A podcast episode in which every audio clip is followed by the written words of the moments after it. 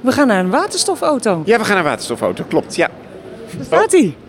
ja, daar staat hij. Het is een enorm ding. Je kan maar op een paar plekken tanken in eh, Nederland. Ja, dat is nu nog zo. Kijk, straks is het natuurlijk allemaal technieken die met elkaar concurreren. Je hebt gewone batterijen, je hebt waterstofbatterijen. Eh, en we gaan het gewoon zien wie het wint. Even kijken. Binnen. Is het wat? Het ziet eruit als een gewone auto. Nou, veel plezier. Ja, dankjewel. Leuk dat je luistert naar de Groeikast. De podcast van het ministerie van Economische Zaken en Klimaat. We hebben het over vooruitgang en welvaart, het Nederland van morgen. Aan het woord minister Erik Wiebes zelf en we ontmoeten anderen. Vandaag zijn we in... Arnhem bij Highgear. eh, waar we letterlijk hier beneden de waterstofgeneratoren zien staan. Marines van Driel, de directeur hier. Ja, waterstofgeneratoren in aanbouw. Want dit is onze assemblageplaats in Arnhem. En met die waterstofgeneratoren kun je waterstof produceren? Ja, het mooie van deze waterstofgeneratoren is... ze werken op vergelijkbare manieren met vergelijkbare efficiëntie als een grote fabriek. Maar je hoeft het niet meer in een vrachtwagen te stoppen... en het land mee door te rijden of zelfs soms een continent over te rijden. En de minister die heeft net een ritje gemaakt door Arnhem in zo'n waterstofauto. Is dat heel anders? Nee, want dat is natuurlijk gewoon een elektrische auto. Uh, maar in plaats van dat er een conventionele batterij in zit, zit de energie die je nodig hebt om te rijden in waterstof. En dat zit in tanks aan boord. Maar hij rijdt natuurlijk gewoon als een elektrische auto. Ja, want Marines, uh, waterstof, ja, wat is het? Ja, waterstof is een gas, maar het is een beetje een bijzonder gas, want het komt niet vrij in de natuur voor. Dus op het moment dat het vrij in de natuur uh, voorkomt, wil het heel graag water vormen. En in die reactie, daar komt heel veel energie bij vrij. En die zou je ook kunnen sturen, of in ieder geval een klein beetje kunnen beteugelen. En die energie te goede aanwenden. En in dit geval is dat natuurlijk om erop te rijden. Ja, maar je kunt er dus ook andere dingen mee doen. Ja, wij, eigenlijk doen wij er vooral andere dingen mee. Uh, we zijn ooit begonnen met het idee dat als die waterstofeconomie komt en iedereen wil rijden op uh, waterstof, dan kun je het niet meer centraal produceren met vrachtwagens over de weg vervoeren naar een tankstation. Dus we zijn begonnen met een hele uh, ontwikkelingsprocedure om die fabrieken kleinschalig te kunnen maken. Maar toen bleek het uh, al heel snel, 20 jaar geleden, nog veel langer te gaan duren voordat die auto's er waren. Toen hebben we een soort noodsprong gemaakt naar de industrie. Daar wordt ook heel veel waterstof gebruikt. En dat bleek uh, ja, de spijker op zijn kop. En uh, daar hebben we uiteindelijk een gewone winstgevende onderneming van kunnen bouwen. En nu de laatste twee, drie jaar leveren we weer steeds meer installaties voor tankstations. Je zit hier in Arnhem op het industrieterrein De Kleefse Waard. Kevin Rijken, de directeur van dit industrieterrein. Um, dit industrieterrein heeft zelfs prijzen gewonnen, want het is het duurzaamste van Nederland. Ja, afgelopen jaar hebben wij uh, de award gewonnen voor meest circulaire bedrijfsterrein van Nederland. Nog gefeliciteerd. Dankjewel. En waarom is dat zo? Wat gebeurt hier allemaal, ook met name op het gebied van waterstof? Nou ja, als je kijkt naar, uh, we zitten hier met 80 bedrijven die zich bezighouden met uh, technologie, schone technologie. En een 10% daarvan is echt dedicated bezig met waterstof. Want je noemt het de kraamkamer van de innovatie. Ja, dat is wel een, uh, een, een, term die erbij past, ja. En we bieden ook echt ruimte aan, aan, aan start-ups uh, om zichzelf in, in, in snel tempo te kunnen ontwikkelen... om zo snel mogelijk van een idee naar de markt te komen. En um, ja, dat is belangrijk. Dat er een plek is waar ze zich comfortabel voelen... waar ze samen kunnen werken met bedrijven die die stappen al gemaakt hebben... Uh, waar ze kennis kunnen delen... En waar ze hun product ook kunnen testen en aan de, markt, aan de man kunnen brengen. Ja. Marines, jullie zijn hier al heel lang mee bezig. Hoe lang al? Bijna 20 jaar. Ja, dus echt een start-up kun je het niet meer noemen? Nee, ik denk dat wij als scale-up zouden klassificeren. Ja. ja, dat betekent wel, je zou denken in die tijd had het misschien wel mogelijk moeten zijn om inmiddels op grote schaal op waterstof te rijden. Waarom gebeurt dat nog niet? Nou ja, je hebt, je hebt de hele keten moet er klaar voor zijn. En dat betekent dat de automobielbedrijven die moeten auto's kunnen leveren. Uh, de oliemaatschappijen moeten accepteren dat het niet allemaal meer uh, vloeibare brandstoffen en fossiele brandstoffen zijn. Um, en dan komen wij als technologieleverancier er eigenlijk een beetje achteraan hobbelen.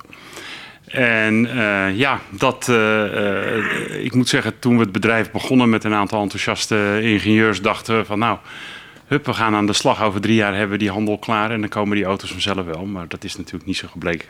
Terwijl we omarmen toch best het elektrisch rijden, maar dit blijft wat Ja. achter daarbij? Ja, dit blijft, to- of bleef langere tijd wat achter. Ehm, Uh, ik, ik, denk dat er wel wat dingen veranderd zijn. Hè. In het algemeen het de bewustwording van, uh, van de mensen in de straat. Uh, ze begrijpen nu veel meer dat fossiele brandstoffen eindig zijn. Ze begrijpen dat schadelijke emissies zo snel mogelijk uit de keten gehaald moeten worden. Er zit meer urgentie op nu al? Ja, de sense of urgency is duidelijk toegenomen.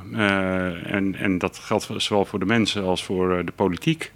En eigenlijk het bedrijfsleven ook wel.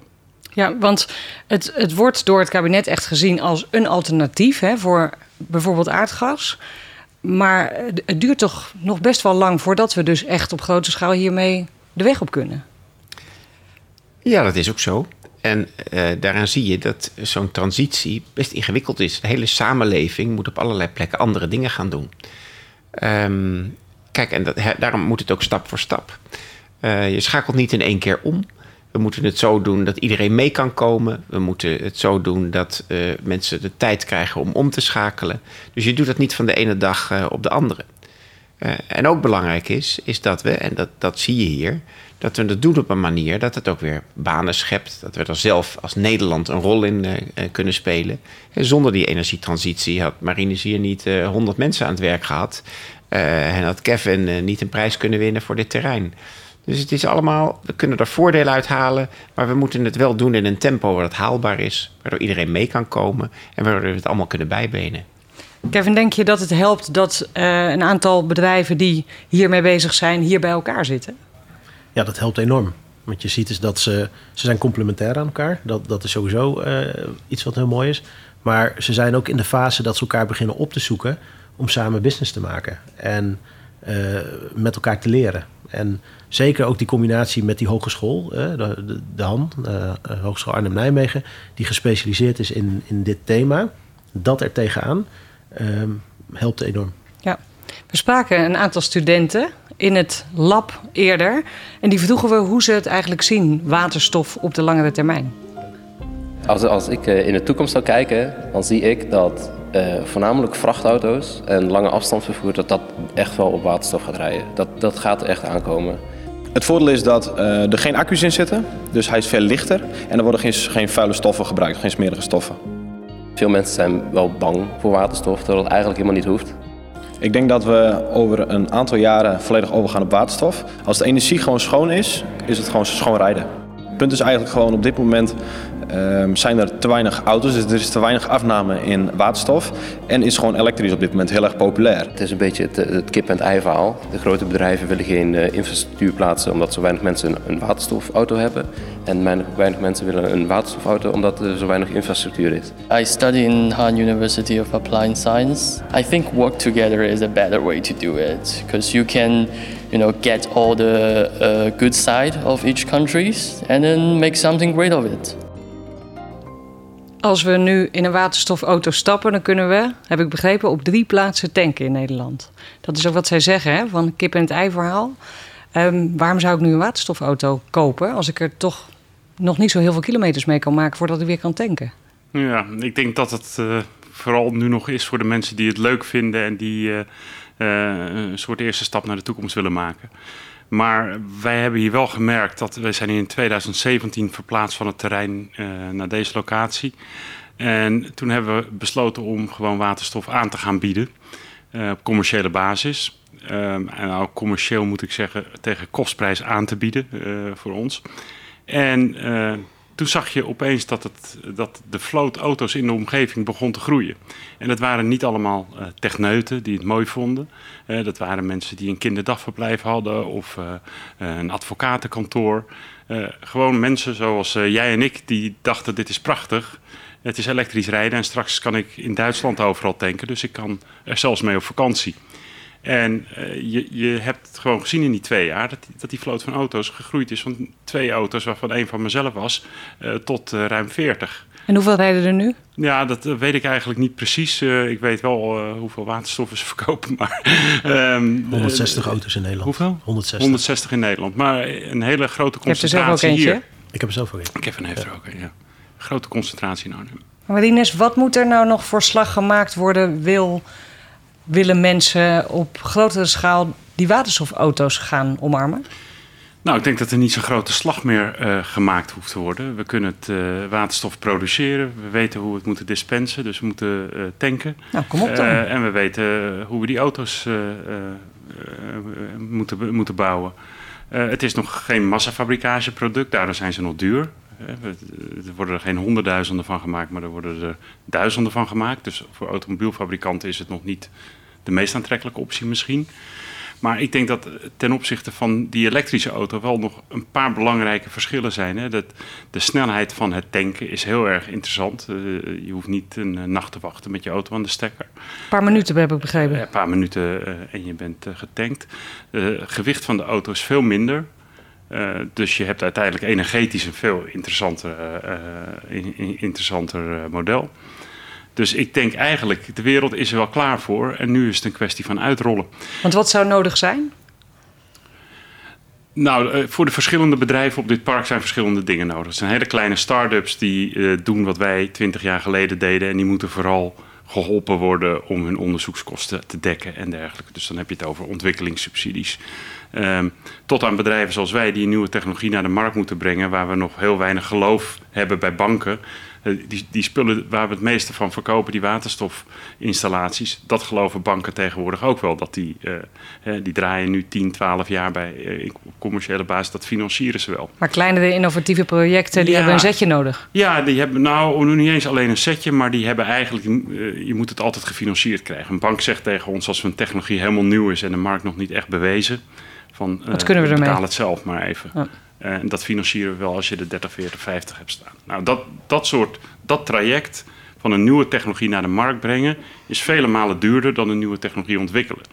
En dat, uh, dat zou helpen als ja. daar wat meer op ingezet werd. Jullie halen veel subsidie ook uit Brussel nog steeds?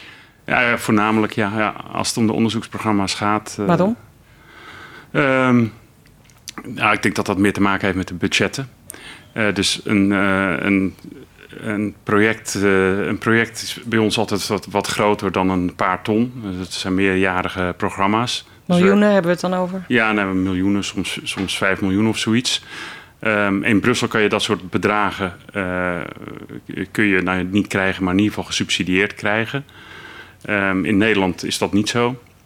Um, terwijl het ons ongeveer evenveel tijd kost om een project van 2, 3 miljoen uh, aan te vragen als dat het kost voor een project van ton dan denk ik Kevin Arnhem, de energiehub van Nederland.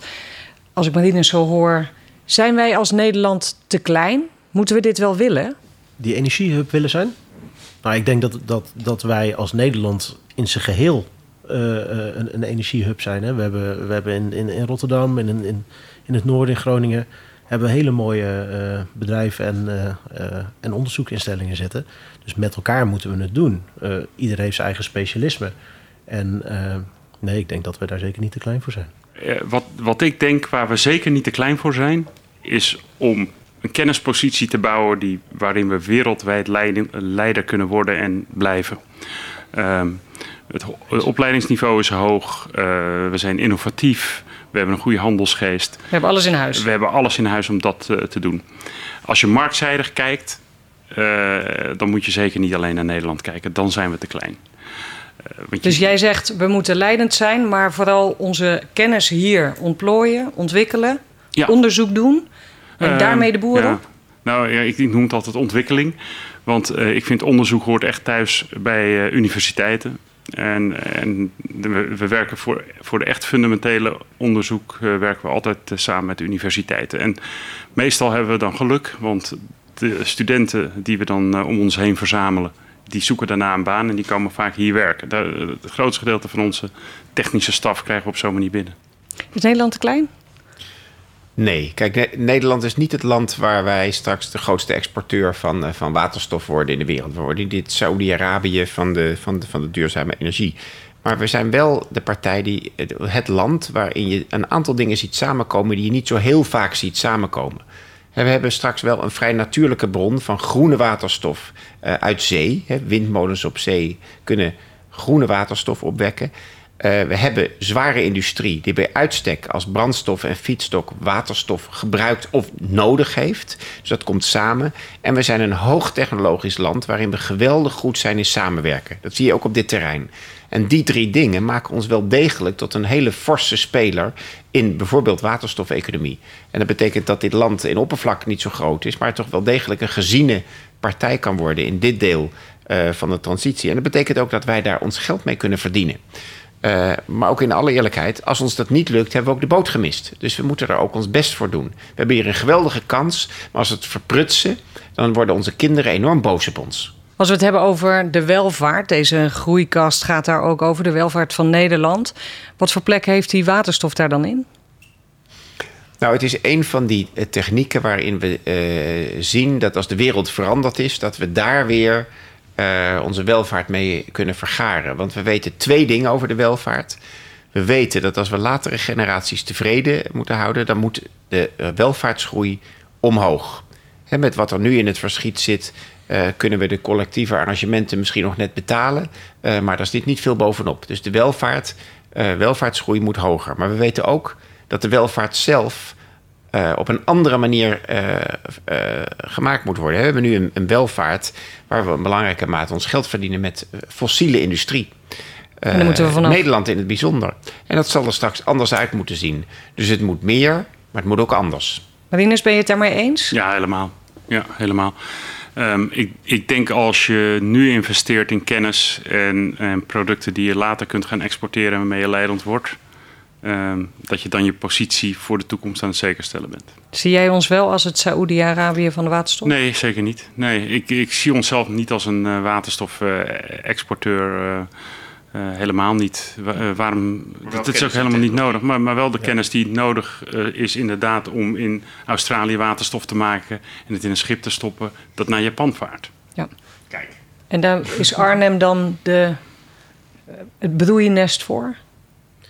Ja, absoluut. En het, nou, wat wel mooi is, het brengt en economie en het brengt een duurzame wereld. Zo is dus het. Het is gewoon dubbel. Zo is het. En, Twee vliegen? Ja. Eén klap. En wij merken dat ook veel bij personeel. Hè? Uh, met name jonge mensen die nu van de universiteit afkomen. Die, uh, die kiezen er veel makkelijker voor om bij een bedrijf als Highgear te gaan werken. Dan, uh, nou ja, ik wil geen namen noemen, maar die vinden het gewoon mooi als je dan toch graag aan technologie wil werken, dat het ook iets schoons is met heel veel perspectief. Jullie hebben ook kleine kinderen? Ja. ja. Gaat de generatie na ons het straks beter krijgen dan wij? Ja, altijd. Um, we innoveren op alle vlakken. Uh, medische wetenschap, uh, maar, maar, ook het milieu, de omgeving waarin ze opgroeien, de stoffen die ze inademen. Het wordt gewoon beter. En uh, wij, wij, hebben het hier ook wel eens over gehad. En we zeggen eigenlijk, eigenlijk is iedereen gewoon te vroeg geboren. En dat blijft ook zo. Wat denk jij? Ja, voor mij geldt hetzelfde. Mijn, uh, mijn oudste is, uh, is twee en mijn jongste is één. Uh, en voor hun doe ik dit. Dit is, dit is waarom ik elke dag heel hard werk om met die bedrijven bij ons op het terrein het verschil te maken. Maar gaan zij het beter krijgen? Ja, daar ga ik vanuit. Maar op wat voor gebied? Vertel eens. ik hoop dat ze in een gezonder milieu leven. Ik hoop dat ze in een veiligere wereld leven. Ik hoop dat er betere gezondheidszorg voor ze is. ik, ja, eigenlijk, eigenlijk alles wat er mogelijk is, zijn we aan het innoveren. En dat blijft jaar op jaar op jaar zo, zo doorgaan. Dus ik zie, uh, ik zie een mooie toekomst. Ja, de minister knikt. Ik hoef hier niets meer aan toe te voegen. Hoe gaan jullie eigenlijk straks naar huis? Met de waterstofauto? Of? Ik ga lekker in mijn waterstofautootje. Helemaal schoon naar huis? Helemaal schoon. Je luisterde naar De Groeikast. Een podcast van het ministerie van Economische Zaken en Klimaat. Blijf luisteren. Samen boeken we vooruitgang. Tot de volgende keer.